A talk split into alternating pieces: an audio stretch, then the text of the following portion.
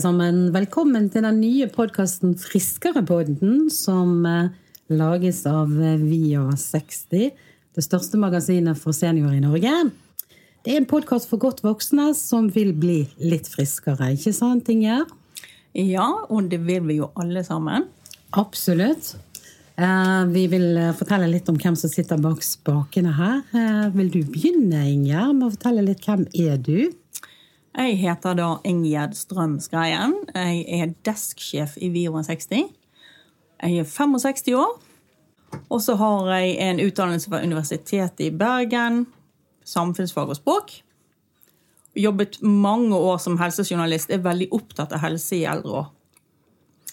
Jobbet for fagblader, også innen helse. Tatt masse fagkurs. um, og er opptatt av hvordan en sjøl skal klare å opprettholde en god helse i, i voksen alder. Liker å være ute i naturen, og gå turer og jobbe i hagen. Padle og svømme og danse. Gjøre yoga. Og er glad i mat. Og glad i å spise. Så har jeg altså en arvelig risiko for diabetes 2 og for demens. Mm. Hvor lenge har du jobbet i Vi over 60, da? Jeg har jobbet der nå i ehm, seks og et halvt år. Og jeg husker veldig godt når du ble ansatt. Da var jo du en av de veldig godt voksne som vi ansatte. Du husker den prosessen, Inge. Jeg husker den prosessen. Ja, Kan du fortelle litt om det valget du gjorde da? Jeg var um, 59. Det vil si, jeg var 58 når jeg søkte. da. Um, så annonse og tenkte denne sjansen kan jeg ikke la gå fra meg. Så jeg søkte og ble innkalt til intervju. Og tenkte at her vil jeg jobbe. Eh, Spesielt når jeg hørte den latteren din. Ja, jeg pleier jo å si det at du ble ansatt nettopp fordi at du hadde en tilsvarende latter, Inger. Så det er jo Ja, jeg husker veldig godt òg at vi fikk eh, søknaden din i bunken. Eh, Du var jo mange, eller én blant mange. Eh, Og den prosessen med å velge ut deg, det var jo ikke bare enkelt å velge en som begynte å nærme seg 60, men det har vi aldri angret på. Så det er jo bra. Nei, det er jeg veldig glad for. Er veldig glad for det. Ok, jeg kan fortelle litt om meg. Anne Marit Hjelme heter jeg. Jeg er 52 år. Blir 53 i sommer. Jeg er sjefsredaktør i magasinet Vi over 60, eh, og daglig leder i det selskapet som gir ut Vi over 60, som heter Grieg Media. Det er publisher. Eh, Jeg har jobbet der i ti år, eh, og jobbet et par år før det òg i magasinet, men gikk inn i den rollen da. Eh, Jeg er samboer med Geir eh, på tiende året. Har to voksne barn. To, tre bonusbarn og eh, tre bonusbarnebarn. Ikke egne barnebarn ennå, men jeg tror det kommer veldig snart. jeg håper det. Um, jeg er òg litt medeier i hunden Kira, da, så jeg må jo ta den firbeinte med. Jeg har en master i ledelse fra BI, som jeg har gjort eh, i voksen alder mens jeg har jobbet. Jeg er egentlig utdannet journalist. Eh, har, eh, hadde min læretid i en lokalavis. eh, og har jobbet som journalist og redaktør egentlig siden jeg var 21 år. Faget mitt er journalistikken. Og det er jo det som på en måte binder oss sammen her. Inge Ja, det er det. Jeg tror faktisk vi begynte ganske tidlig, begge to. Ja, altså Min mor sier jo det at jeg sa aldri noe annet enn at jeg skulle bli journalist. Så allerede da jeg var 13 år, så visste jeg det. Og jeg gikk og banket på døren til lokalavisen ute i Åsane, eh, som vi bodde, og spurte om jeg kunne få lov til å dekke et arrangement. Og jeg måtte ha med meg lapp fra redaktøren. Fordi det, jeg var for ung egentlig til å komme inn på det arrangementet som jeg skulle. Så, så det, det har vært en veldig gøy reise. Eh, På fritiden så er jo jeg eh, opptatt av egenutvikling, eh, opptatt ut av psykisk og mental helse. Har vært det i veldig mange år, og har sertifisert meg både som yogainstruktør og NLP-coach. Så jeg håper jo det at vi kan få bruk for det litt i denne poden her, Inge. Ja, det tror jeg definitivt. For mye, mye sitter jo i hodet. Og jeg også er opptatt av koblingen mellom eh, kropp og syke.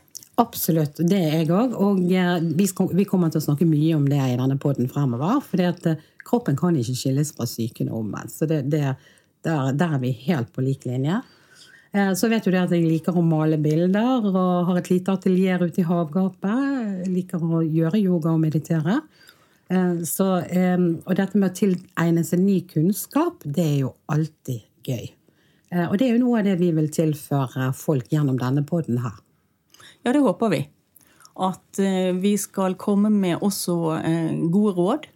Eh, Som er jo en bærebjelke i, i hele over 60-tankegangen. Nemlig. nemlig. Eh, Det som er virkelig en stor forskjell på oss to, det er jo det at du er jo kjempegod i å lage mat. Det er jo ikke jeg. Eh, Og det har jo vært min store utfordring. Altså, det er en av de tingene jeg egentlig aldri har kunnet. Og jeg har vært så heldig å ha svigerinner og andre folk rundt meg som har vært gode å både bake og kokkelere, og som har laget til meg. Så jeg har jo bare surfet på det.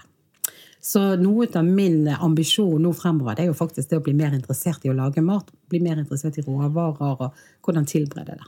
Det er jo måte. veldig gøy å stå Ja, på jeg vet det. Og jeg ser jo på disse kokkeprogrammene, og alt, og så tenker jeg bare gud, hvis jeg bare kunne. Eh, Og da pleier min mor å si du kan jo hvis du vil, du har jo bare bestemt deg for at ikke du kan. Ja, det tenker jeg eh, Ja, det, det sitter i hodet. Det, det sitter i hodet. Der har jeg en begrensning som vi er nødt til. Eh, Du sa jo det at dere hadde diabetes og, og forskjellige ting i familien. Eh, Det har jo vi òg. Jeg har jo slitt med høyt blodtrykk i over ti år. Eh, Det er det flere i familien min som har. Um, så, eh, så når jeg nå før eh, jul, altså på slutten av 2018, eh, tok en runde med blodprøver, og det ble konstatert at dette blodtrykket nær sagt hadde utviklet seg til litt mer, altså en diabetes type 2, så er jo det litt av bakgrunnen for at vi eh, nå egentlig drar i gang denne podkasten. For å egentlig sette helse mer på dagsordenen. Ta det mer på alvor. Ikke bare det mentale og psykiske, men faktisk òg det indremedisinske og kroppslige. Så det blir jo en veldig spennende reise. Ja, det blir det. Og jeg må jo si at jeg, jeg syns jo du er tøff. Eh, For jeg tenker litt på hvordan, hvordan var det å få den beskjeden? Eh, Jo, eh, ja, eh, jeg satt jo på et ledermøte da, i Vi over 60 sammen med ledergruppen min, og så ser jeg at eh, telefonen vibrerer, eh, og så ser jeg at det står legen i displayet. Og da tenkte jeg wow, legen. Det er jo ikke ofte du ser liksom den, det nummeret komme opp. Tenkte jeg, Da er jo det noe å melde. Så jeg spurte om jeg kunne ta en timeout og gikk ut på gangen. Og da hadde jo legen min på øret, og hun sier det at ja, hei, du har jo tatt blodprøven og alt dette her, og dessverre så må jeg fortelle deg at du har eh, fått diabetes type 2. Eh, og det Da ble jeg egentlig satt litt ut, for det at eh, jeg hadde ikke fått noe forhåndsvarsel om at jeg var insulinresistent eller noe sånt. Jeg hadde noe balt med dette her blodsukker i alle disse årene. og Uten at Jeg har aldri målt eller noe sånt, og har aldri hatt noen høye verdier. Men det har liksom vært blodtrykket jeg har hatt fokus på. Eh, og blitt fulgt opp pga. det. Ikke tenk så veldig mye heller på at vi hadde et sånn familieanliggende med besteforeldre og sånn som hadde diabetes. Jeg burde jo egentlig tenkt at jeg kanskje var mer i faresonen enn det jeg var. Så jeg ble litt satt ut. Faktisk eh, så mye at jeg gikk inn igjen i ledergruppen og sa at eh, nå er jeg satt litt ut. Jeg må egentlig bare fortelle dere at jeg har egentlig fått en diagnose nå. Det var det liksom jeg meldte. Det føltes liksom litt sånn å ha fått en sånn stempel, bang, du er blant de som har fått eh, diabetes type 2. Wow. Ja, du ble satt ut, men hva um, skjedde videre? Hva, hva ble oppfølgingen videre? Nei, altså jeg, eh, Legen sa jo til meg det at uh, husk at du er passert 50. For jeg sa jo det at jeg har jo slitt med et dårlig kne. og, og hadde en forestående sånn meniskoperasjon bak i hodet. Eh, og tenkte herlighet, altså. Jeg kom her nå at alt bare altså sånn To diagnoser på bare noen måneder. Først kneet, og så dette. Altså, det var, men det var ikke så veldig mye medlidenhet å få hos eh, fastlegen min. Hun bare sa Hjelme, husk at du er passert 50. Um, ok. Hva betyr det? Jo, du må, må kanskje forvente en form for slitasje. Um, så tipset hun meg om å gå inn og lese meg litt opp, faktisk. Så ulike nettsteder og sånt. For jeg hadde jo ikke, har ikke så mye kunnskap om det. Altså når du får eh, Du kan ha lest mye om det tidligere. Eh, vi har jo skrevet om det i magasinet. Det har vi. Men du tar det liksom ikke inn og tenker helt at det angår deg, før det angår deg. Så jeg gikk jo egentlig inn på kontoret og tenkte at wow, jeg må begynne å google litt. Og det kan jo være litt risikabelt i seg sjøl, for når du googler, så får du jo opp veldig mye rart. Ja, eh, og det gjorde jeg. Men jeg gikk direkte til kilden. altså Diabetes.no er jo et veldig godt sted med mye saklig informasjon. Og så tenkte jeg det at eh, ok, det kunne jo vært verre. Altså, jeg, begynte med å tenke litt sånn. eh, Fordi at jeg er jo sånn skrekkslagen for sånn kreftdiagnoser og hjerneslag og hjerteinfarkt og sånn. Eh, Så det at når jeg hadde lest litt om hva det gikk ut på, så tenkte jeg det er jo faktisk mulig å stå i, eller gjøre noe. Og det skal jeg si at hun, eh, fastlegen min, veldig fin, hun sa til meg Hjelme, dette kan du gjøre noe med sjøl hvis du vil. Eh, Vi har medisin, vi kan kjøre deg inn i det opplegget, men du kan gjøre noe med det sjøl. Det, og det syns jeg er en litt sånn letteste, med de tingene du faktisk kan være med å påvirke sjøl. Ja, det kan vi. Eh, Det er jo det vi tenker litt med denne podden også. At vi skal kunne vise at uh, du kan gjøre en del sjøl. Noe er arv, og noe er rett og slett eh, Du er uheldig. Ja, og, og, og det er nettopp det at eh, når jeg begynte å lese meg litt opp av dette, akkurat denne diagnosen, i og med at det var det det gjaldt, så så jeg det at du i utgangspunktet må være genetisk disponert for å få det. Um, men så er jo det miljøfaktorene, da. Uh, så du kan si at jeg i utgangspunktet har den arvelige disposisjonen, vil jeg tro. Uh, og så er det miljøfaktorene. Jeg har jo ikke akkurat vært snill med meg sjøl. jeg, har, eh, altså, jeg kan krysse ut av på denne listen over ting som utløser dette her. Sånn, Altfor inaktiv, spesielt det siste året, pga. et dårlig kne. Greit å ha noen unnskyldninger, men Ja. det var men det er òg en forklaring. ikke sant? Fordi at jeg har faktisk slitt eh, med dette kneet. Eh, som gjør at jeg ikke har gjort de tingene jeg ellers eh, pleier å gjøre. Altså mer inaktivitet. Jeg, har, eh, jeg liker veldig godt god mat, selv om jeg er veldig dårlig på kjøkkenet. Og så kan du si det er kanskje ikke det som defineres som god mat, for jeg liker godt sånn junky mat. Sånn, jeg pleier å si at jeg er en karbo-junkie. Jeg elsker boller og lefser og bu... Altså, alt som er sånn søtt og fett om hverandre, det gir gode smaker. ikke sant?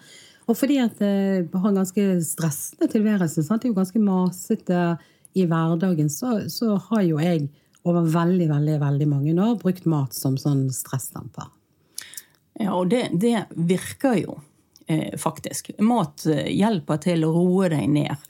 Men det som er at når du er stresset, eh, så griper du gjerne til feil type mat. Eh, og jeg har jo observert gjennom de årene jeg har jobbet her, at det har stått eh, ofte en flaske med noe brunt innhold på pulten din.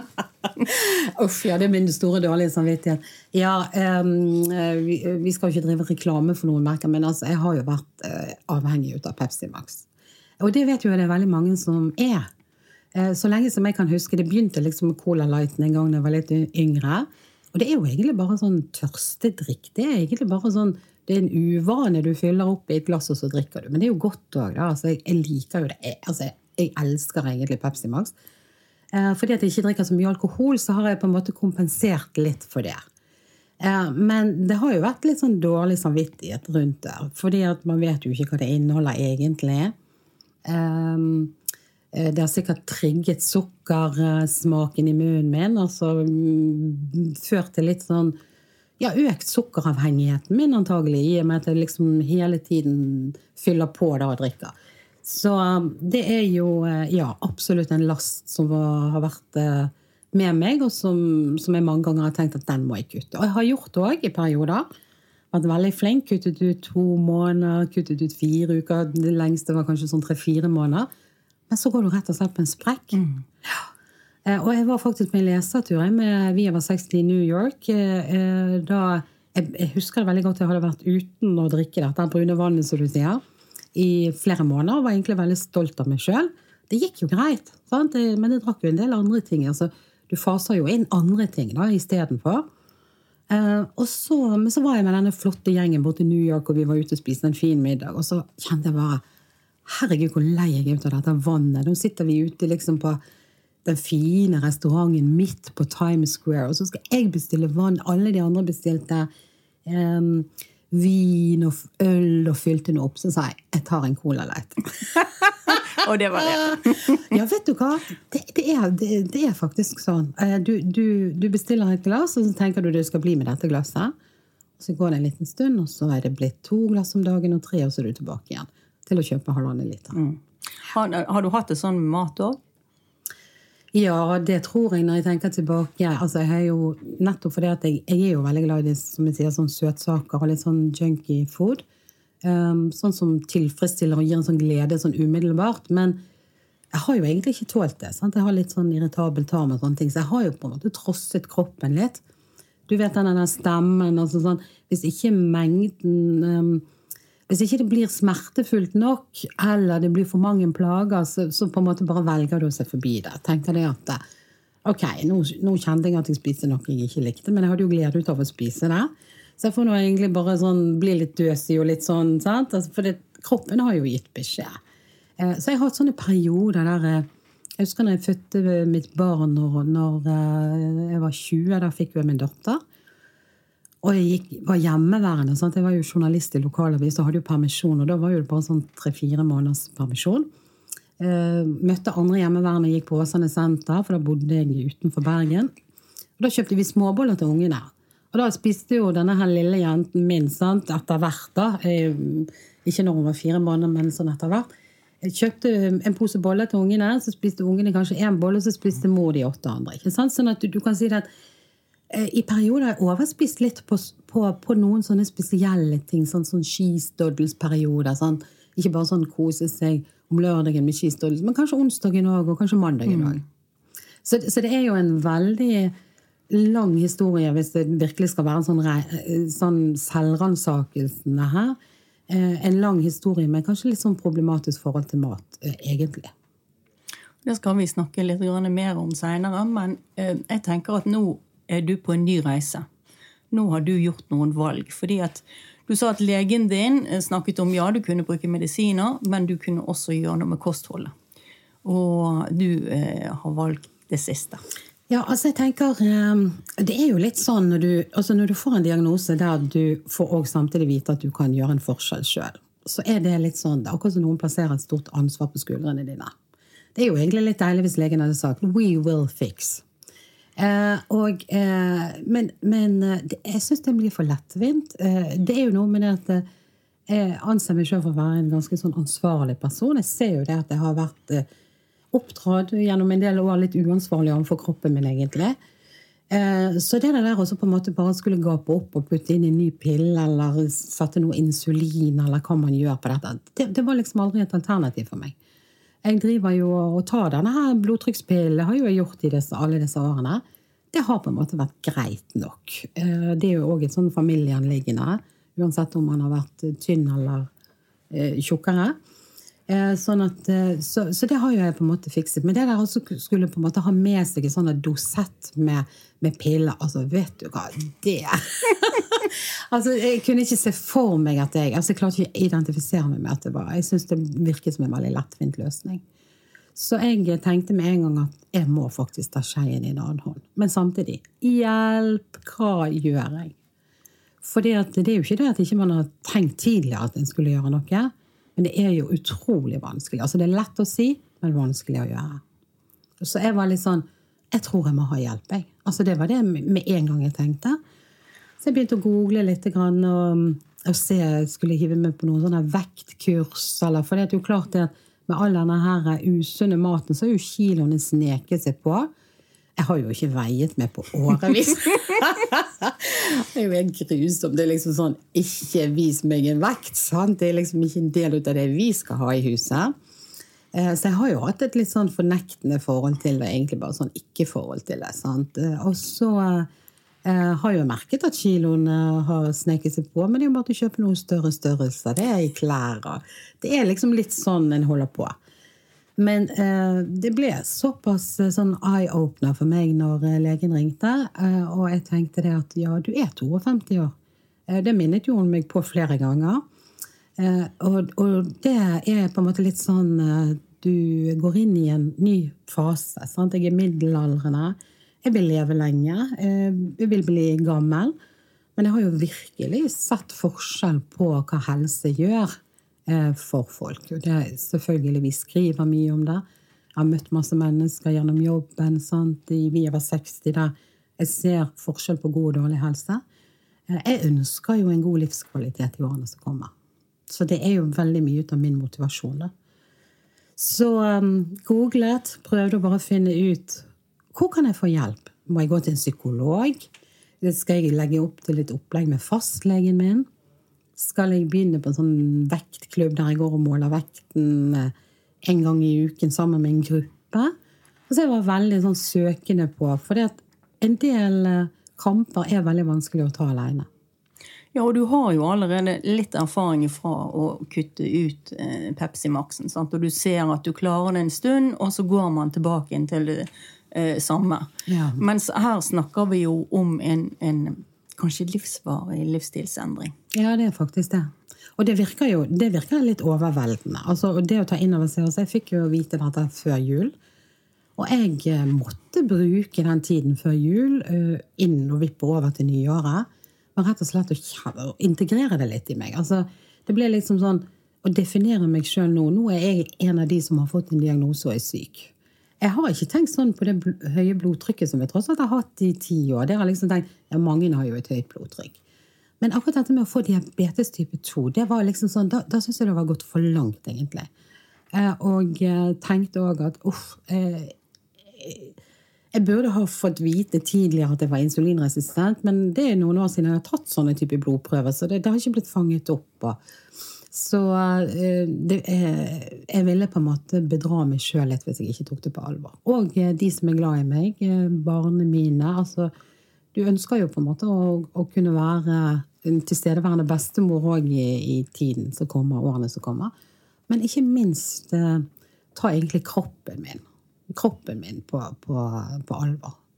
Så jeg brukte liksom den tiden fra høsten og juletiden til å, å tenke hva kan jeg gjøre, hvor kan jeg få hjelp, Hvordan, hvor, hvor, kan vi hente motivasjon og inspirasjon. Mm. Hva endte du opp med til slutt? Altså etter den søkingen og, og mm, Jeg var jo litt lagt i det også. Mm. Og der er, som du sier, der er jo mange retninger. Og der er mange mm, teorier. Det, det er en vanskelig jungel å finne frem i. Absolutt. Hva, hva, endte du opp med til slutt? Hva fant Du ut? Du må jo finne noe som passer for deg også. Ja, um, jeg tror jo det at jeg tilhører de som er karbohydratømfintlige. Altså, jeg, jeg, tåler karbohydrater dårlig. Uh, så da jeg leste meg opp på dette med diabetes, og sånn, så så jeg det at det er jo en del forskning rundt hva som faktisk virker. Um, og um, jeg har veldig lyst til å spise mat. Så jeg, eh, når jeg hadde denne her researchen da, på sånn alt fra sånne pulverkurer til det ene og det andre For man kan jo komme, gå fort ned i vekt. Og gå fort ned i vekt vil jo egentlig være bra for diabetesen i seg sjøl. Men det er jo dette med at du skal ha en varig livsendring. Og jeg vil ha et normalt liv der mat inngår som det. Så jeg eliminerte egentlig ganske fort at å, å drikke meg igjennom eh, eh, måneder for å ta ned vekten, f.eks. For, for å stabilisere blodsukkeret, det passet ikke for meg. Så det, det var en sånn elimineringsmetode. Så dermed gikk jo alle pulverkurene ut. og de er jo sikkert veldig effektive, og alt dette her, men eh, du blir litt uh, usosial, litt asosial. Altså, jeg har jo på en måte sånn, jeg må både fungere matmessig gjennom jobben og på mm. reise og i sosiale sammenhenger.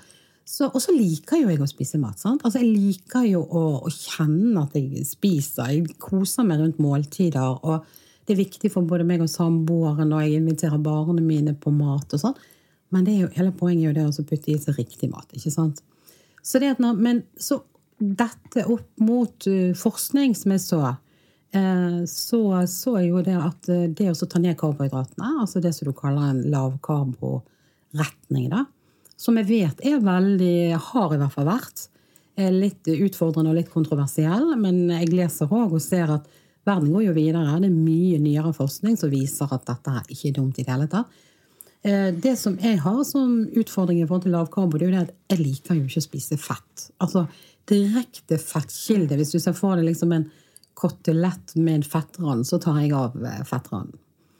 Eh, svære sånn teskjeer med olje og sånt. Altså, jeg brekker meg med tanken. Altså, det er helt utelukket. Så, eh, så, det å på en måte forstå litt hva den dietten eller kostholdsretning gikk ut på, det var jeg nødt til å sette meg litt inn i. Uh, og så er jo vi heldige. Vi har jo uh, andre som er i alderfamilien. Så jeg visste jo det at kollegaer i ukebladet Allers, blant annet, som er jo blant de store i Norge som har fokusert mye på dette De har mye oppskrifter, de gir ut ekstra bøker og alt dette. Der har jo jeg en redaktørkollega som eh, har fulgt dette her i mer enn ti år.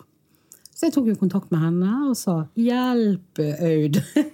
eh, hvordan kan jeg angripe dette? Og da satte hun meg i kontakt med eh, lege Sofie Hekseberg. Og, og, og, sammen med det at um, For du vet jo, Inger, at vi har gjort en god del undersøkelser i Vi over 60 når det gjelder å spørre folk. Leserundersøkelser. Ja, der vi spør hva savner du i Vi over 60, Hvilke stoff kunne du ønske deg mer ut av? Uh, og vi har gjort mye ut av det de, de siste månedene. Og det som går igjen, det er jo Vi vil ha mer Helse. Yes, helse. Altså vi, kan, vi, vi kunne fylt hele Vi over 60 med helsestoff. Eh, kosthold og trening eh, er jo veldig altså Heldigvis, den nye generasjonen eldre har jo skjønt det. De er jo veldig aktive. Veldig mange. da. Eh, selv med sine lyter og begrensninger så er det veldig mange som på en måte har det som en verdi. For det at vi ser jo, som jeg sa, at uh, forskjell på om du har helse eller ikke, det er jo forskjell. Altså, eller det er jo forskjell på hvilket liv og hvilket mulighetsrom du har. I dag gjør det sånn at du kan velge, du, du, har så mange valg, du kan reise, du har mye tid, vi har god økonomi, alt. Men hvis du mister helsen, så har du egentlig ingenting. Da kan, ikke, da, da kan ikke du liksom bruke de mulighetene. Så, um, så, jeg, um, så da, da, tenkte jeg at uh, brakte jo inn til dere òg i redaksjonen. Skal vi gjøre et prosjekt? Skal vi gjøre mer ut av helse i Vi over 60? Og skal jeg uh, legge hodet på blokken. Det har du jo gjort. ja, det har jeg gjort. Og det er blitt mer omfattende enn det jeg kanskje hadde sett for meg i starten. Men, men det er på en måte litt sånn, da tenkte jeg ok, jeg eh, er sjefsredaktør i dette magasinet. Skriver jo mye om sånn mentalt og psykisk helse gjennom lederne mine. Eh, vi skriver mye helsestoff. Du, Ingjerd, er jo en ja. av de som produserer det. Eh, så kan vi lage liksom en ny vri. Kan vi, kan vi, starte noe som kan være med å inspirere og motivere andre? Kan jeg være en, en rollemodell eller en eller annen som de bare tenker 'herregud'? For, det, for det, det, er klart at det er jo litt sånn det er jo litt sånn tabu rundt dette her òg. Det er jo så på en måte eh, For det første eh, ta inn over seg at man har stelt seg så dårlig at man faktisk har fått en diagnose. Ja, og det tenker jeg at kanskje når vi snakker om livsstilssykdommer, så legges det et stort ansvar på den enkelte av oss. Absolutt. Og, og, og det er kanskje ikke helt rettferdig. Ja, vi har et ansvar, men vi beveger oss jo også i en verden der det er mye fristelser, for å si det sånn. Absolutt. Og det er klart at det er noen leger som sier liksom det at det er flaks og uflaks når det gjelder helse. Sant? Vi har jo vært på foredrag, og vi har jo hatt det på trykk òg. Men det er klart at, og det tenker jeg det er sikkert riktig, for vi ser jo òg at folk som er veldig både aktive og spreke og sunne, eh, får sykdommer og dør. Så det er jo på en måte en del ting du ikke har kontroll på. Men jeg tenker det at eh, det du kan ta kontroll på, er jo litt sånn Kall det kontrollfrik, eller hva, hva, du vil. Men um, kanskje en sjåfør i eget liv. Ønsker å være med og påvirke hvordan jeg egentlig har det. Eh, og så kan du si det at eh, ja, hvorfor har jeg ikke gjort det før? Jo, det har jo jeg sagt litt om. Jeg har på en måte ikke klart å mobilisere ressurser i meg sjøl. Og jeg har heller ikke fått et sånn rødt flagg sånn du har en diagnose. Sånn stempel i pannen, sånn boff. For, for det, når hun sa det at jeg hadde fått dette, så følte jeg meg en gang som en syk. Ja, og du, du, du, nevner også flere ganger at eh, hun sa at du er 52. Det, det er nesten mm. sånn jeg tenker at begynte du nå å føle deg gammel? Ja, absolutt. Absolutt. Altså, Ja, det gjorde jeg faktisk. Eh, men så tenkte jeg gud, det kan jo ikke være en unnskyldning for at jeg på en måte skal bare lene meg tilbake og si ja, ja, det der kneet knirker, men det er jo mange knær som knirker, jeg skal ikke gjøre noe med det. Eller denne diabetesen det mange som får. For det er jo tross alt 200 000 som har den diagnosen i Norge i dag. Og det som legen sier, Sofie Hekseberg, det er jo det at det antagelig er akkurat den samme summen, 200 000, som er udiagnostisert. Så det er jo veldig mange som går rundt, inkludert meg, jeg kan jo ha hatt dette her de par siste årene, for det jeg vet, eh, går rundt og tror at vi er friske, men vi er det egentlig ikke. Og så, og så uh, får du plager. Du blir mer tørstig, du løper og tisser, du får mer betennelser i kroppen, du får eksem. Eh, og så rasjonaliserer du, og så tenker du liksom bare du, du, legger på en måte ikke sammen summen ut av dette, sånn at det blir et sykdomsbilde. Um, men når du ser det i ettertid, hva, hva, som indikerer de forskjellige tingene, så ser jo jeg det at jeg kunne bare krysse ut av ja, ja, ja. Så, um, så det, det er jo litt uh, interessant. Tenker du at du på en måte ikke har villet se, at du har bare skjøvet det unna? Ja, absolutt. For jeg har liksom tenkt at uh, må jeg forholde meg til dette med mat òg? Det er så mye som skjer i et vanlig liv. Sant? Uh, vi, vi, vi har krevende jobber. Vi, vi har stor familie. Jeg har jo stor familie rundt meg. med etablert meg med en ny mann i voksen alder, uh, som òg har sin familie inn. Så det er ganske mange forventninger og roller du skal fylle. Eh, Så det er også på en måte òg måtte problematisere dette med mat. Det føltes som en ekstra belastning. Oppi alt dette som, eh, som vi eh, på en måte ellers måtte ha fokus på. Der plinget det, Ingjerd. Da plinget det. Det var Ja. hos deg, og ikke hos ja, meg. Nei, det, jeg ser det at her kommer det inn en eller annen melding. For du vet det at vi, vi har jo opprettet en sånn 60 minutters bevegelse på Facebook, og det kommer vi tilbake igjen til i slutten av sendingen. Så det var rett og slett en melding som kom inn. Å, spennende. Eh, nei, eh, det er klart, jeg har ikke villet forholde meg eh, til dette. At eh, det blir eh, det blir på en måte enda en ting som jeg måtte ansvarliggjøres for og gjøre noe med. Og du vet, det er jo det som er utfordringen. Det er akkurat det som er utfordringen, fordi at vi vil jo på en måte ha det litt behagelig. Absolutt. Um, og, og som du sier, vi har en travel hverdag, og det, det har jo eh, godt voksne også. Absolutt, ja. Du har, du har en eh, barn, barnebarn, du har gjerne foreldre i livet. Um, dagen er fullt opptatt. Mm. Og så, du, så, så fortjener du å kose deg litt grann, Å, og ja. slappe litt av. Så deilig. og jeg er jo en livsnyter av rang.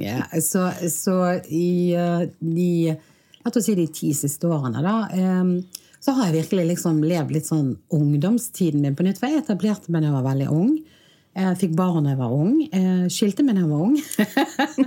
Eh, og var aleine i ganske mange år med mine barn. Og så møtte jeg en ny mann. Og i den fasen jeg møtte han, så eh, var ungene ute allerede. Både hans og mine. Og dermed så kunne vi starte på en måte en ny litt sånn æra. Og det har vi gjort òg til fulle. Så vi kjører Harley Davison motorsykkel, og vi gjør masse gøye ting. Men oppi alt dette her så er det mye sånn kos og lettvinte løsninger. Er du på en motorsykkeltur, eksempel, hva gjør du? Du stopper med en bensinstasjon eller en, et sånn kjøkken, sånn gatekjøkken. Hiver i deg et eller annet som er jo usunt, men nam-nam så godt. det kan være pølse og potetmos, det kan være you name it. Sant? Altså det blir på en måte ikke sånn, Du stopper ikke der og kjøper deg et eple. Så, så, um, så det er liksom Og vi har uh, vi reiser en del utenlands, og det å reise det er jo forbundet med mye god mat og sånn. Så, så det er klart at jeg har ikke orket egentlig. Jeg har liksom bare tenkt ikke bry meg med det der matgreiene. La meg egentlig bare få lov til å spise. La nå det dette være et sånt sted å hvile, på en måte. Det er nok litt sånn eh, jeg har tenkt. Ja, du har egentlig kunnet, kunnet eh, ha det greit med vekten din. Du har kunnet gjøre yogaen. og eh, Det har sånn sett ikke vært noe stort problem. Du har hatt blodtrykket, det har liksom vært under kontroll. Men som du sier, bang, der kommer det en diagnose. Ja. Og du er jo ikke aleine. Og det er jo det vi også tenker. At ø, du er jo bare et eksempel på mange som får den samme diagnosen og står overfor de samme problemene. Absolutt. Men jeg tenker jo igjen, altså når du nå beskriver sant, livet, stopper på bensinstasjon, gjør det litt lettvint, går inn og får seg litt mat eh, Det er jo mye du skal måtte ta stilling til og fokusere på nå fremover. Ja, absolutt. Eh, Så det at eh, Inger og alle dere som måtte høre på denne podkasten, følg gjerne med. For det er klart at du kan jo sitte og planlegge og så tenke hvordan det skal bli, men så er jo det alle de valgene du hver eneste dag må gjøre. ikke sant? Eh, Men det som, eh, det som var eh, interessant for meg, det var jo det at jeg var jo nødt til å gjøre en del ting. Vi skal snakke i den neste podkasten om det. Hvordan jeg måtte forberede meg til denne omleggingen. For jeg tenker det er ikke noe du gjør fra søndag. altså Du bestemmer ikke deg søndag, og så aktiviserer du det mandag. Ikke jeg, i hvert fall. Så jeg brukte jo juletiden og nyttårsskiftet litt som en sånn. Men det at jeg kom i kontakt med Sofie Hekseberg For når vi Inger, bestemte oss for at vi skulle gjøre dette nær sammen med Vi over 60, så vil jo vi gjøre det skikkelig. Vi vil gjøre det seriøst, grundig. Eh, vi har hatt fokus på dette med mat som medisin tidligere. Vi har jo, du har jo blant annet skrevet den spalten. Ja, det stemmer. Så jeg tenker, så dette blir jo på en måte litt sånn utvidelse ut av det, og samtidig mer personlig. Eh, Og jeg ønsker ikke å være altfor privat, men personlig. Jeg skal by på meg sjøl. Det, er, det tror jeg er ganske viktig. Som i den første sånn konsultasjonen jeg hadde da med Sofie Hekseberg og spurte om kan du være den faglige beskytter og kontrollør ut av det vi nå gjør. Eh, fordi at eh, vi kan ikke bare bruke vekt. Altså dette, for meg er ikke dette her Og det tror jeg er et ganske viktig aspekt. Det er ikke en slankekur jeg begynner på. Jeg, jeg har ikke fokus på vekt. Jeg, jeg regner med og håper at vekten går ned. Jeg vet at det er bra for meg. Men jeg tenker at det må være en konsekvens ut av de andre tingene jeg gjør. Så dette her, mitt, det som er den store forskjellen fra før da jeg var yngre, og gjerne hjemme på en eller annen jojo-slanking eller en eller annen sånn slankekur som kom opp, em, det var jo det at det var mer sånn ytrestyrt. Det var sånn, Da ville jeg gå inn noen centimeter, jeg ville gå ned to størrelser, det ville nærme seg bikinisesongen. Jeg ville se lekrere og finere ut. Sant? Det, var, det var motivasjonen. Nå er jo motivasjonen et indremedisinsk fokus. Jeg må bli frisk. altså Jeg må unngå å bli sykere. Det er jo egentlig det. For får du en diagnose sånn som diabetes type 2, så vet jo du det at det kan avlede til flere dårlige ting. Det kan det, og du har jo allerede et høyt blodtrykk, så den kombinasjonen er jo ikke noe særlig god. Ikke noe god. Og jeg skjønte jo virkelig det. altså Når vi da skulle sette dette i system og legge opp til et redaksjonelt opplegg, og, og, og koblet opp da Hekseberg Jeg hadde avklart med fastlegen min at hun kunne snakke med Hekseberg, og at Hekseberg nå blir min fastlege i året videre for å på en måte følge opp dette. Så hadde jo jeg da en, en gjennomgang og evaluering med hun eh, på en del ting. og måtte ta blodprøver, blant annet. Eh, Men vi skal snakke om det i neste, neste pod. Men det er klart at da får jo du en aha-opplevelse. Når du får tallene svart på hvitt, ja. Da får du, og da er det sånn det, det blinker bare rødt på sånne risiko, risikofaktorer på, for hjerte, f.eks. Hjerte- og karsykdommer. Så det var en eh, Ja, så eh, det, Jeg tror ikke det er noe plankekjøring, og det kommer til å gå bare sånn lett, dette her. Men jeg tror det er mulig. Og ja, det er for livet. Og du har jo også bestemt deg for å være ærlig med både oppturene og nedturene. Um, fordi, som du sier, dette, dette er ikke helt eh, enkelt. Dette kommer ikke til å være lett hele veien. Nei. Og vi, vi har jo opprettet denne Facebook-gruppen. Vi har opprettet en egen side som heter Bli friskere med vi over 60. Og der inne så rapporterer jo jeg hver eneste dag. Altså Jeg legger ut først og fremst sånne småting. Sånn små, gode tips. Sånn 'Dette valget gjorde jeg i dag. Drikk dette. Dette er lurt', osv. Eh, men også oppsummerer jeg på en måte uken da, eh, litt der òg, og det kommer vi til å gjøre her i podkasten òg. Eh, hvordan har det egentlig vært? Så den, eh, og den første uken er jo så vidt kommet i gang. Den var jo tøff. Vi skal snakke litt mer om det. Men altså inn på Bli friskere med Vi over 60 på Facebook. Lik og klikk oss der, tenker jeg. Altså del med oss. Eh, For vi har jo veldig lyst til å på en måte spre det gode budskapet utover. Vi, vi, ikke, jeg tenker vi skal ikke bli sånn helfrelste og gå rundt og liksom frelse folk. Og vi har jo valgt eh, eh, Eller jeg da har jo valgt en, en, en lavkarboretning.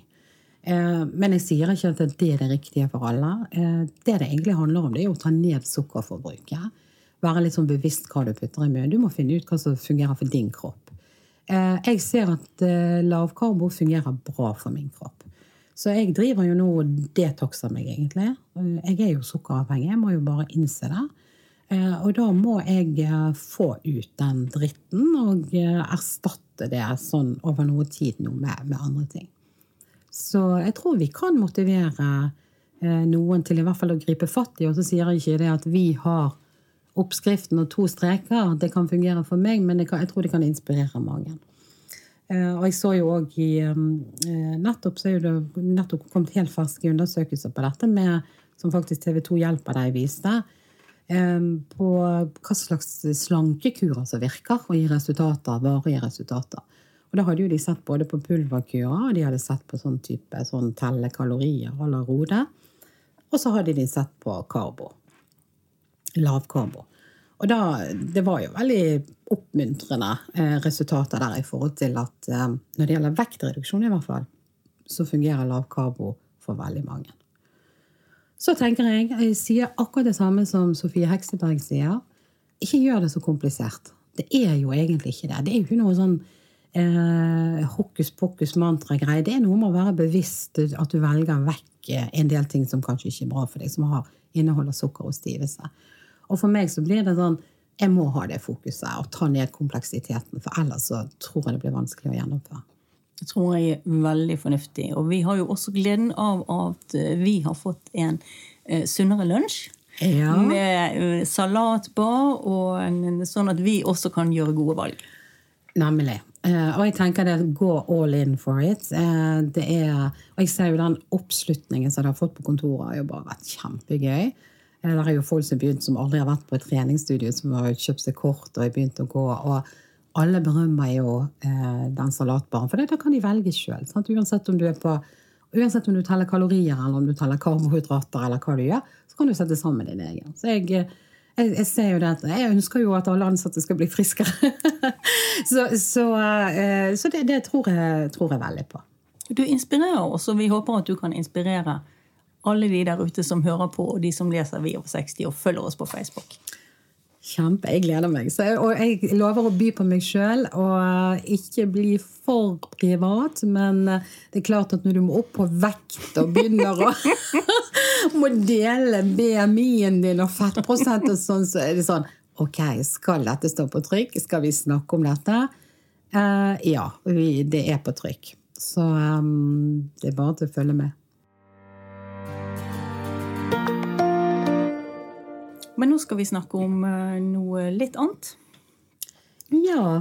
Um, vi tenker jo det at uh, vi fremover kommer til å dele podkasten inn i litt ulike sånn, seksjoner. da. Så dere kan jo følge min reise. Det blir den innledende seksjonen i hver episode. Så kommer vi til å snakke om et tema.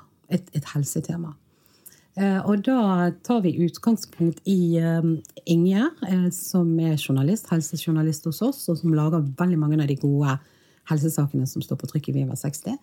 Har gjort masse research rundt ulike emner og har laget artikkel, snakket med kilder og laget artikkel som også står på trykk.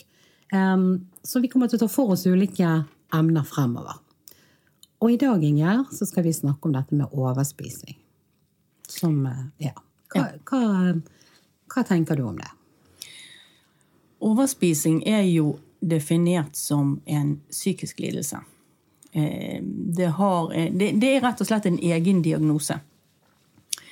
Eh, det handler om veldig mye knytningen mellom mat og følelser. Og det er jo noe som veldig mange av oss kan kjenne igjen. Dette med at vi var inne på tidligere med at mat kan roe ned. Eh, men, men, her snakker vi ikke om trøstespising sånn av og til. Eh, den som har en overspisingslidelse, eh, har et mye større problem i forhold til mat. Da spiser du mye større mengder enn det som er vanlig å spise. Du spiser det oftere. Du spiser det gjerne i skjul. Noen går fra å ha en anoreksi, en spisevegring, til en bulimi der de kaster opp eller trener for å, å, å holde vekten nede, og til en overspisingslidelse. Den, den veien er ikke ukjent. Ok, er, er det med overspisingdiagnosene er det en diagnose som innbefatter anoreksi og bulimi, eller er det ulike diagnoser? Det, det, alle tre er spiseforstyrrelser. Eh, men hver av de er egne diagnoser innenfor spiseforstyrrelsesfeltet. Jeg har jo jobbet med dette før jeg begynte i eh, Vi over 60, som var en generalsekretær i ROS rådgivning om eh, spiseforstyrrelser. Ja. Så dette er jo et felt som jeg kjenner godt. Hva vil du si om omfanget på dette problemet, da? Det er, dette er nok, tror i hvert fall de som jobber i ROS, at det, her er det mye mørketall. Eh, og det som er det at Spiseforstyrrelser blir ofte hengt på unge. Vi tenker også at det er unge kvinner. Så, så tallene som finnes, de stopper ofte når du kommer til 40. Okay. 40-45. Og så har du lite tall på um, forekomsten over det. Også fordi at spiseforstyrrelser var ikke så kjent før. Mm. Uh, men det, det, er jo ikke alltid sånn at de som er overvektige, har en spiseforstyrrelse. Langt derifra. Du, du, kan ikke se det på noen at de har en spiseforstyrrelse. Men det er klart, har du en overspisingslidelse, så vil du ofte også bli eh, overvektig med tiden. Som et resultat ut av at du inntar rett og slett for mye mat. Ja. Og det er veldig skambelagt. Eh, Det er sterke følelser med, med skam og skyld knyttet til, også når, når eh, de overspiser. Eh, Så dette, er, dette krever behandling. Men er det sånn, eh, i og med at det er så få data på godt voksne, da, eh, er det fordi at man nær sagt blir helbredet da i voksen alder? Er- Eller er det bare Får man en diagnose som ung, har man den resten av livet? Eller hva skjer? Nei, du kan bli frisk. For all del, du kan bli frisk av en spiseforstyrrelse. Det kan du. Men, men det krever hjelp i de aller fleste tilfeller. Men det som man tror, det er at en del av de som har en overspisingslidelse, de blir jo overvektige, så de går på forskjellige kurer. altså De, de, de fokuserer på eh, vekten. I hvert fall de rundt de, sant? Mens det er ikke vekten som er problemet. Det, det er noe mye mer grunnleggende. Og her kan vi snakke om opplevelser tilbake i barndommen eller ungdommen. Akkurat. Eh, sånn at du, du vet egentlig ikke bevisst hva det er som trigger en sånn overspisingsepisode. Akkurat. Så det må du ha hjelp til å finne ut av. Um, hva er det som gjør at jeg sitter nå med en følelse som, som jeg må dempe? Og da demper jeg den med mat. Um, den, den ligger ikke så langt fremme at du klarer å finne tak i det. på en måte. Nei, men eh, så, så måten å helbrede overspising på, da, det er ved f.eks. å få hjelp av psykolog, da, eller eh, hva er det mest Samtaleterapi eh, brukes en god del. Eh, det har også kommet noe som ROS har tatt inn i, i sitt program, eh, og nå utdanner terapeuter også, eh, som heter eh, mindful eating.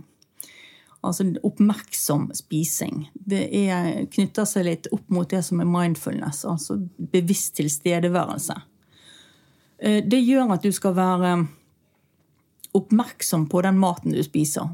Både før du spiser, før du begynner måltidene, så skal du stoppe litt. Og så skal du se på maten du har på tallerkenen. Du skal også være, være bevisst, litt sånn som du nå må være når du skal velge mat. Eh, Når, når du går rundt et, et eh, bord med mat, hvorfor velger du visse typer mat? Hva, hva er det det trigger hos deg? Um, kjenne på forskjellige smaker, eh, men kjenne på følelsene eh, det knyttes til. Er det en del av det å normalisere forholdet sitt til mat, da? Ja. Ja. Og det er også det å finne ut av den, den koblingen. Um, og for mange er det en veldig lang vei å gå. Um, jeg hadde en god venn, uh, har en god venn, um, som har strevd med dette i årevis, og han er utrolig bevisst. Han vet alt. Eh, så han fant ut at når han snakket i telefonen, etter en telefonsamtale, så fikk han en trang til å overspise. Og fordi at det var en følelsesmessig kobling der. Og i hans familie så hadde alle um, hyggestunder, men også stunder der det, det ikke var fullt så trivelig i familien. Det var knyttet opp mot mat. Så mat var blitt et sånt verktøy. Akkurat. Men hva, det er jo vel mange som går rundt med udiagnostisert eh, diagnose her òg, da. Jeg tenker, Hva skal til for at du får en sånn diagnose? Nei, det er det som jeg sa tidligere, dette med, med det skal være en viss hyppighet. Um, du må gjøre det relativt ofte.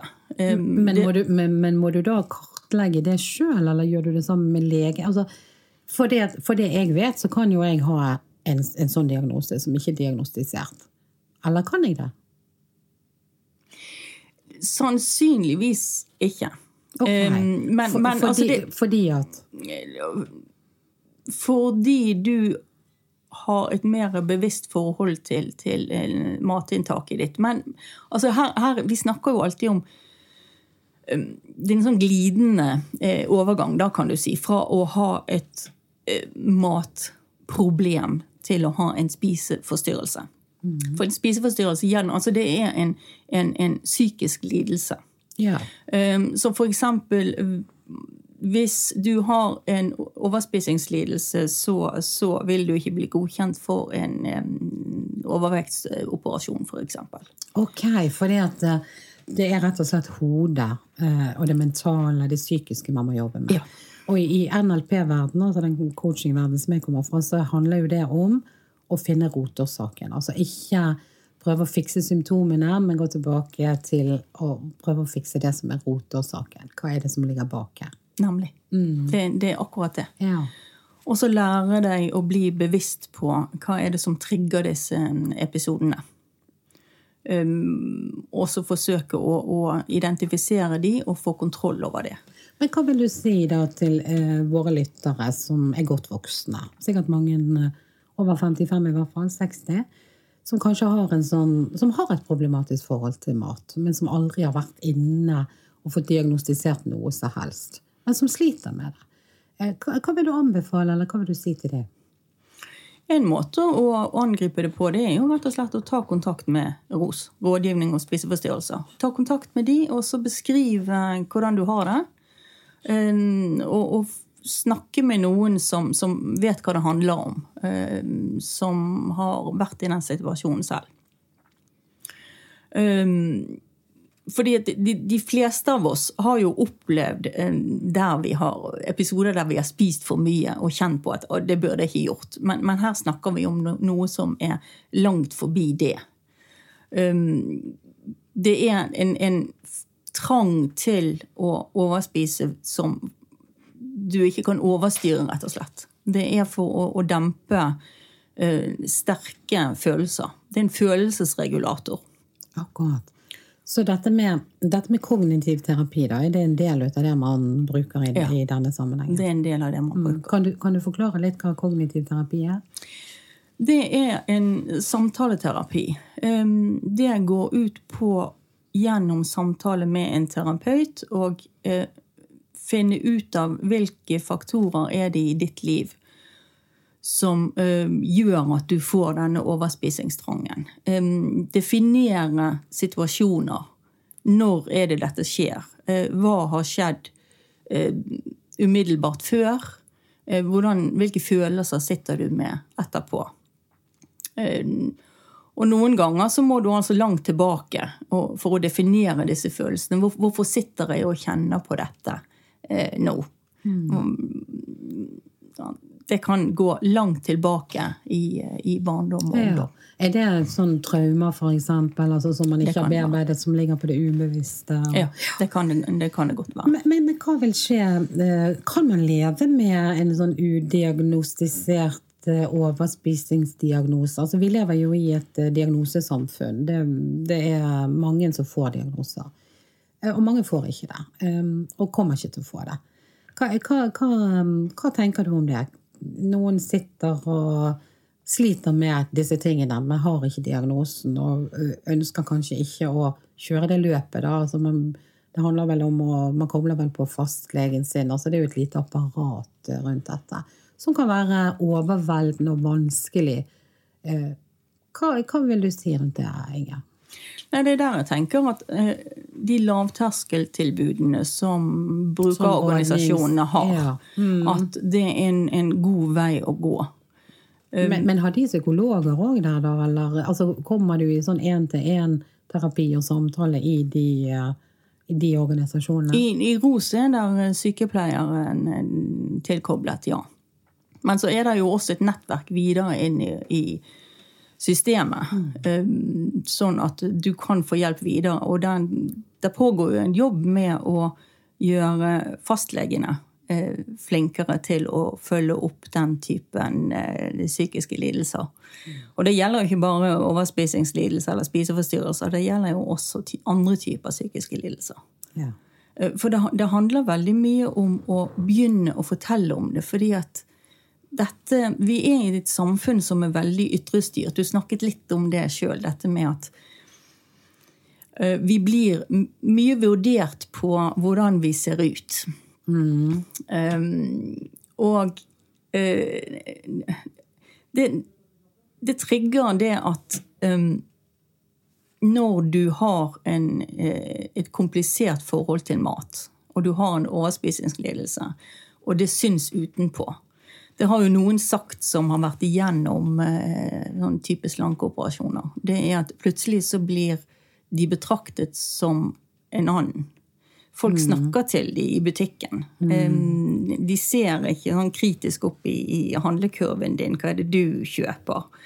Um, men det er også noen som får et annet, og ikke bare positivt forhold til sin egen kropp når du endrer deg. Det blir litt sånn um, Hvem er jeg? Og det er noe innenfor spiseforstyrrelsesfeltet. Det er Hvis du har hatt en spiseforstyrrelse veldig lenge, og det er på en måte blitt en del av deg, så er det sånn um, Hvem er jeg uten den spiseforstyrrelsen? Ja, det definerer rett og slett hvem du er. Ja. Det gjør det. Så det det er snakk om her, det er jo det at man faktisk starter en prosess som ender opp i en redefinering av hvem man er. Ja, rett og slett. Det, det er litt det samme som Som jeg sa innledningsvis, så er jeg veldig opptatt av, av ikke å skille så mye mellom eh, fysiske lidelser og psykiske lidelser, mell- mellom hode og kropp. Jeg mener at dette henger sammen. Um, så det er litt det samme reisen som, som eh, du er på, selv om du har en fysisk eh, lidelse. Så, så det, det er litt det samme å definere Nå, nå skal ikke jeg gjøre det samme som jeg alltid har gjort. Og, og hva gjør det med meg?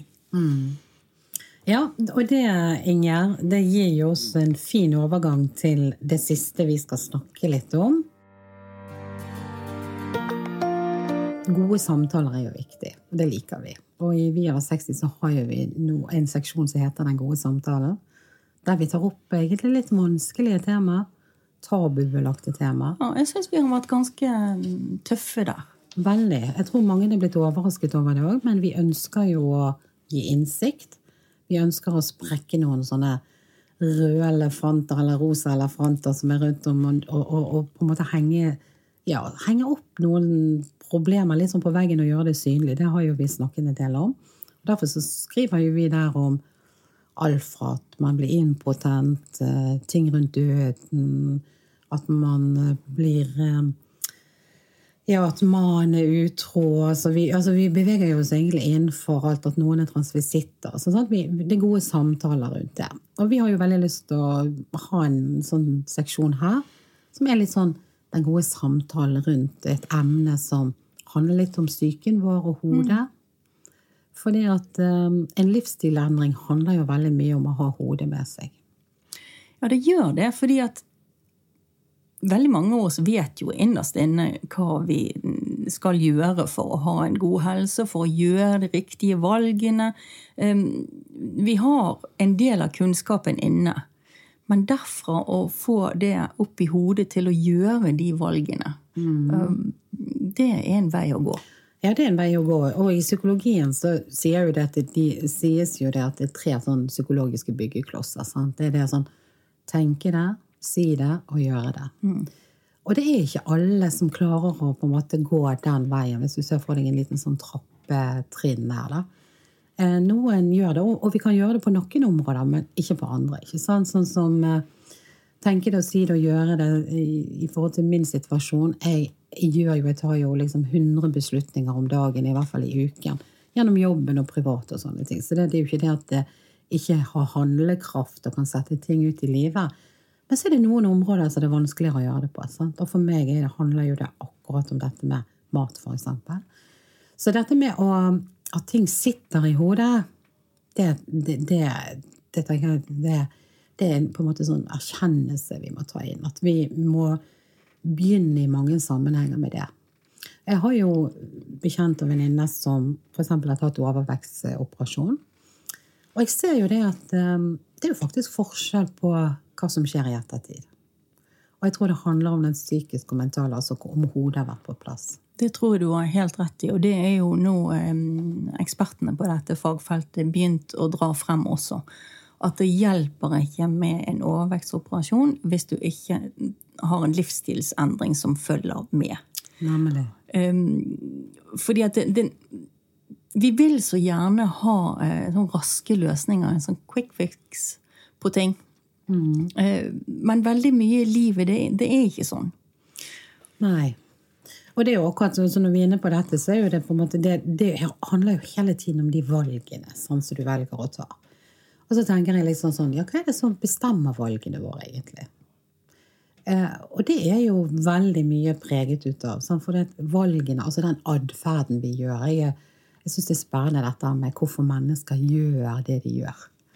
Eh, eller, si, ja, eller la være å gjøre eller ting. Eller la være å gjøre det. Eh, for det, det er jo òg en handling, på en måte. Det å ikke gjøre ting. Men jeg kan sitte på kafé, og det gjør jo du òg, Inga. Sant? Vi kan komme på en flyplass når vi er ute og reiser med jobben. og sånn. Bare sitte og se på mennesker, for det at menneskelig atferd er spennende. Og så er jo det sånn at vi bruker jo egentlig ganske mye tid på å prøve å forutsi hva mennesker gjør. Vi bruker jo Youngs type indikator på jobben mm. når vi lager teamhjul eh, for å prøve å sette folk litt i skal du si, bås. Prøve å forstå dem bedre. Fordi at vi prøver å finne ut av hvordan de kommer til å handle, agere i en del situasjoner. Eh, det er jo veldig komplisert. Ja, det er veldig komplisert, fordi det kommer an på så mange ting. Altså, vi, vi, kan ha de samme fire bokstavene innenfor dette systemet, men likevel være ganske forskjellige og bevege oss innenfor eh, de bokstavene også. Det, det er litt avhengig av hvilken situasjon du befinner deg i. Absolutt. Og, og, så vet jo vi det at eh, atferd styres jo vel, i veldig stor grad av holdningene våre og verdiene våre. Og, og det er klart at uh, dette med verdier er jo jeg opptatt av. For uh, hvis du spør folk hva slags verdier har du? Vi, vi vet jo hva slags verdier vi f.eks. har i Vi over 60. Vi har jo bedriftsverdier som vi på en måte slutter opp om, og som skal fortelle litt om hvem vi er. Men hvis du tar for deg liksom, venner eller familien din eller ansatte, og spør hva er dine tre eller fem viktigste verdier, så ser du det at folk ofte ser rart på deg og lurer på hva snakker vi om? Mine verdier. Og, og, det er klart at um, det, det syns jeg er litt spennende, for vi vet at holdninger og verdier, tanker, det er jo det som styrer atferden vår. Så det å på en måte ha et litt sånn aktivt forhold til verdiene sine Hvem er jeg? Det, altså når jeg spør deg, Inger, hva er dine tre viktigste verdier? Mine tre viktigste verdier, det er jo um, mennesker bredt sett. Altså um, at menneskene rundt meg skal ha det bra. Um, og at jeg blir oppfattet som et bra menneske. Jeg har et veldig sterkt forhold til miljø og natur. veldig opptatt av det. og så er jeg opptatt av et enkelt liv. Mm. Um, mm. Ikke nødvendigvis um, disse ytre statussymbolene, men, men et, en, et, enklere liv. Ja, litt sånn simple living-tenkning. Ja. Men det som er litt interessant med det du sa nå, det er det at jeg hørte ikke at du sa helse som en av verdiene. Nei, fordi at jeg tenker at helse er gjennomgående i, i alle de verdiene. Ja. Ja, mm. interessant. Fordi at, fordi at det som eh, De som veldig fort sier at de har helse som en verdi, det er veldig ofte de som gjør alle de aktive valgene i forhold til sin egen helse. Det er annet de som, eh, når de skal på en sydentur, la oss si de reiser til Syden, så velger de et hotell med treningsrom og med fasiliteter som gjør at de kan holde seg aktive. Fordi de har det så innarbeidet i systemet sitt at jeg er den personen som jeg, jeg, har, eh, jeg, må gjøre disse og disse tingene for meg sjøl. Jeg er en helsefokusert person. Og da gjør jo man aktive valg i forhold. Og det er veldig interessant å se forskjell på det. Eh, sånn at eh, Ofte når du i sånn coaching-sammenheng jobber med, med folk som har veldig lyst til å bli bedre på å trene, f.eks., eller kommer med et problem som går på at jeg klarer ikke å gå ned i vekt, det er jo egentlig Hvis jeg bare hadde klart det, så hadde jo jeg blitt mye lykkeligere. og sånn så handler det om å plassere og hjelpe de å plassere verdien helse i hvert fall som en av de fem viktigste og høy, høyest mulig oppe. Så det kan jo godt være det at du ville sagt helse på nummer fire hvis vi hadde åpnet opp for det. Jeg vet jo at du er veldig fokusert på det, men, eh, men, men det er litt sånn interessant. For man kan jo faktisk omstokke verdiene sine. Altså Du kan bestemme deg for, mentalt, hodet, altså intelligentmessig, at nå er jeg i en fase der helse må og skal være viktigere. Eh, og det er jo litt der jeg er i forhold til det prosjektet. For det, det kan jeg røpe, og det har du vel sikkert forstått, at når jeg eh, fikk tatt en sånn verdiavklaring på meg eh, av en coach, så var jo ikke helse blant mine fem. Skal du si noe om hva det var? Um, nå kan ikke jeg akkurat huske det, men altså, jeg har jo sånn type verdier som er sånn kjærlighet og frihet og altså, en del sånne stikkord sånn, som skulle fortelle litt om sånn, hva, hva, som var viktig for meg. Da. For en mm. verdi er jo på en måte det som er viktig for deg. Sånn. Uh, og det er ikke det at jeg ikke har tenkt at helse har vært viktig. Men bare det faktum at ikke kom på de her fem topp, det forklarte jo egentlig veldig mye. Og så er jo det sånn at du faktisk kan omprogrammere de, og det, jo, det kan man få hjelp til å gjøre. Eller man kan bare jobbe med seg sjøl på det. Altså Nå bestemmer jeg meg for at helse skal være viktig. Og da er jo det de daglige valgene hver eneste dag. Om ja. du, altså Alt fra om du planlegger ferien din, skal du legge turen til et sted der du kan løpe langs stranden, f.eks., hvis det er en greie. Eh, skal du reise til et sted der de har kost, altså har et spesielt eh, fokus på et kosthold, eksempel, som du følger. Det er jo de, den type aktive valg som, en, eh, som mange gjør òg, da. Og da igjen må du ha hodet med og tankene med. Du, du må gjøre disse vurderingene hele tiden. Istedenfor å bare fortsette å gjøre det du har gjort hele tiden, som kanskje er negativt for deg. Ja. Eh, Churchill har et ordtak som er mitt favorittordtak. Så du kan ikke fortsette å gjøre det samme og forvente et annet resultat. Nei, det, det, det, kjenner vi på jobben også, og det er helt riktig. Ja. Det er å fortsette med det samme om og om igjen. Eh, da får du stort sett det samme resultatet. Ja. Og dette med vaner og uvaner skal jo vi snakke om i neste podkast, eh, Inger. Så dette er jo kompliserte ting. Eh, hadde det vært enkelt, så hadde jo det vært enkelt. da, hadde, da hadde veldig mange flere endret og kvittet seg med uvanene sine og erstattet dem med vaner. Men det er mulig. Så det, det, kommer vi til å snakke om neste gang. Det er mulig. Ja. Det vet vi. Yes, Før vi avslutter nå, Inge, så skal vi um, Vi må snakke litt om dette med fysisk fostring òg. For det at nå har vi snakket mye om mat. Eh, men vi sier jo òg at eh, det er mat og trening som medisin. Det er på en måte det vi skal dokumentere. Eh, så skal jeg ta blodprøver og alt dette her, og Sofie Heksenberg og på en måte dokumentere at maten fungerer. Men det samspillet mellom mat og fysisk aktivitet, eh, det, det kan vi snakke litt om. For hva har vi gjort? Vi har jo etablert 60 minutters bevegelsen. Yes, yes. Det er altså en lukket Facebook-gruppe. Eh, dere som leser Vi over 60 magasiner, vil jo se det i, i bladet.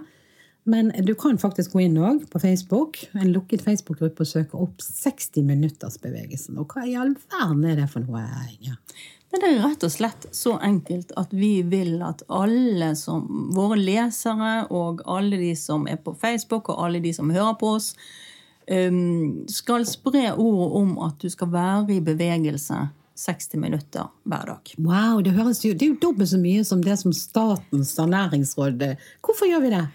Vi gjør det fordi at vi også vil ha litt fokus på hverdagsbevegelsen. Mm -hmm. Så her snakker vi ikke om å løpe i 60 minutter. Mm -hmm. det, det, er ikke det det er snakk om. Men du, igjen dette med å bli litt bevisst. At du um, gå av bussen et eh, stopp før du skal, at du tar trappene istedenfor heisen.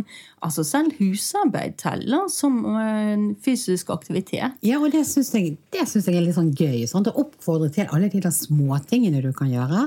Eh, da når vi var ute og reiste med jobben her for ikke så lenge siden, så var det å sitte på fly og tog og sitte og gjøre ankelbevegelser. Altså bevege føttene mens du sitter i setet. Eh, du kan sitte foran TV og, gjøre, og ha noen Eh, gjøre litt styrkeøvelser for, for overarmene. f.eks. altså, det er sånne småting. Så vi vil ikke jage dere ut og løpe langs eh, landeveien 60 minutter. For de fleste eh, har vel en utfordring med å komme i mål med de 30 minuttene aktivitet som er sånn generell anbefaling. Men de ekstra 30 minuttene som vi oppfordrer til, det handler om veldig sånn lav terskel, rett og slett. Handler rett og slett om å komme seg opp av stolen og gjøre noe mer enn bare å sitte i ro. På dine premisser. Selv om du har et vondt kne, selv om du har en ond hofte. For det, det, det må vi innse. Eh, folk er så forskjellige. Og med alderen så får vi litt lyter. Så det sies jo at vi dør med tre diagnoser. Så selv om vi har pilleesken med oss, så har vi eh, Dosetten som du ikke vil ha! ja. Så, så, um, eh, så det er jo Det vet vi. Eh, men um, det å bare gjøre litt sånn ekstra for seg sjøl på sine egne premisser, forutsetninger Ikke la det at du har eh, At gikten tar deg, at du har vondt i nakken og litt vondt i ryggen og sånne ting, eh, hemme deg fra å bevege kroppen litt. Fordi at eh, all bevegelse for blodsirkulasjon styrker skjelettet. Eh, oppreist holdning, bindevevet altså, det, det, er så viktig at dette her på en måte har eh, blitt litt sånn tøyet og bøyet på. Så det er jo det vi eh, oppfordrer. Og på denne her 60-minuttersbevegelsen, der oppfordrer vi alle denne lukkede Facebook-gruppen. Er veldig enkelt. 70% av dere som hører på oss, altså de over 60, de er jo på Facebook. Mm, det er de. Sånn at eh, det å Så har du en smarttelefon, så er du ute og går med bikkjen om kvelden. Eller du går på tur med din datter, Inger. Eller eh, jeg eh, er på en yogatime, eller du er på en yogatime. Så, så bare knips et lite bilde sånn i situasjonen. Ikke nødvendigvis av deg, men det kan være føttene dine, det kan være eh, naturen rundt deg, et eller annet som indikerer eller bikkjen, sånn, som indikerer at du er faktisk litt i bevegelse. Sitter du i godstolen din og gjør ankelbevegelser på føttene, ja vel, knips et bilde, da, og legg det inn på denne Facebook-gruppen. Fordi at eh, hver eneste måned hva gjør vi da? Da eh, går vi gjennom de innleggene vi har fått, og så eh, trekker vi ut en heldig. Yes, yes. Så månedens friskus eh, vil få en premie fra oss. Ja. Overraskende i posten. Eh, sånn at, eh, så det vi egentlig ønsker, det er å på en måte bidra til et friskere, altså rett og slett friskere målgruppe. Altså friskere alderdom, friskere liv, fordi vi tror at det er god og gir bedre livskvalitet. Så oppfordringen herfra det er gå inn, meld deg inn i denne gruppen. Da må du være medlem, men alle blir akseptert. Um, del, by på deg sjøl, eh, motiver hverandre, kommenter. Det er jo det vi ønsker. Vi ønsker Dette jo et sted der vi kan ha dialog òg. Ja, og det er jo det er motivasjonen vi er ute etter. Vi, vi ønsker nesten å få i gang en slags folkebevegelse. Ja, ja, ja, vi gjør det. Vi gjør det. En skikkelig folkebevegelse.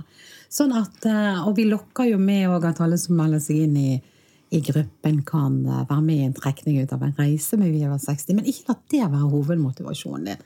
La hovedmotivasjonen være at du faktisk har lyst til å gjøre en forskjell i livet ditt. At du vil få bedre helse. Ja. Og så, før vi avslutter nå, Inge, så hørte du at det plinget i sted. Ja. ja og eh, vi har jo over litt tid lagt ut, vi. Eh, litt forskjellige ting som vi gjør. Så det fins jo allerede en liten sånn fortelling, historiefortelling inne på denne Facebook-gruppen. Og, eh, så den plingen det var rett og slett fra en god kollega som aldri har satt sine eh, bein i et helsestudio før. Eh, som har hørt at flere av oss andre faktisk har gjort det. Jeg har jo gjort det. Jeg kan jo ikke bare fokusere på maten. Så noe av det jeg bestemte meg for å gjøre, det var jo å ta opp igjen yogaen i hvert fall én gang i uken. Og så gå og gjøre litt styrketrening. Ikke noe sånn voldsomt eh, stress og mas, men liksom på mine premisser. For jeg tror på det med litt eh, aktivitet sammen med den kostholdsomleggingen. Og eh, Beate hun skriver altså her at eh, nå har hun òg kapitulert. og gått og kjøpt sitt første eh, kort på et helsestudio. Det syns jeg er gøy. Så hipp, hipp, hipp, hurra! Applaus! Kult. Greit. Inger, da er vi ferdig med den første runden. Vi, ja. eh, vi kommer til å komme ut uh, hver uke. Så hver onsdag morgen så kan du laste ned uh, den siste utgaven ut av Friskerepodden. Da får du Inger og Anne-Marit. Rett i øret. og vi vil uh, snakke om både hvordan dette går med meg, um, og så vil vi snakke om et uh, tema, et helsetema, ulikt fra gang til gang. Og så vil vi snakke litt om den gode samtalen rundt sånn psykiske, mentale prosesser, altså hodet. Ja. Så takk for oss, og så gleder vi oss til at du følger oss neste gang. Takk for oss.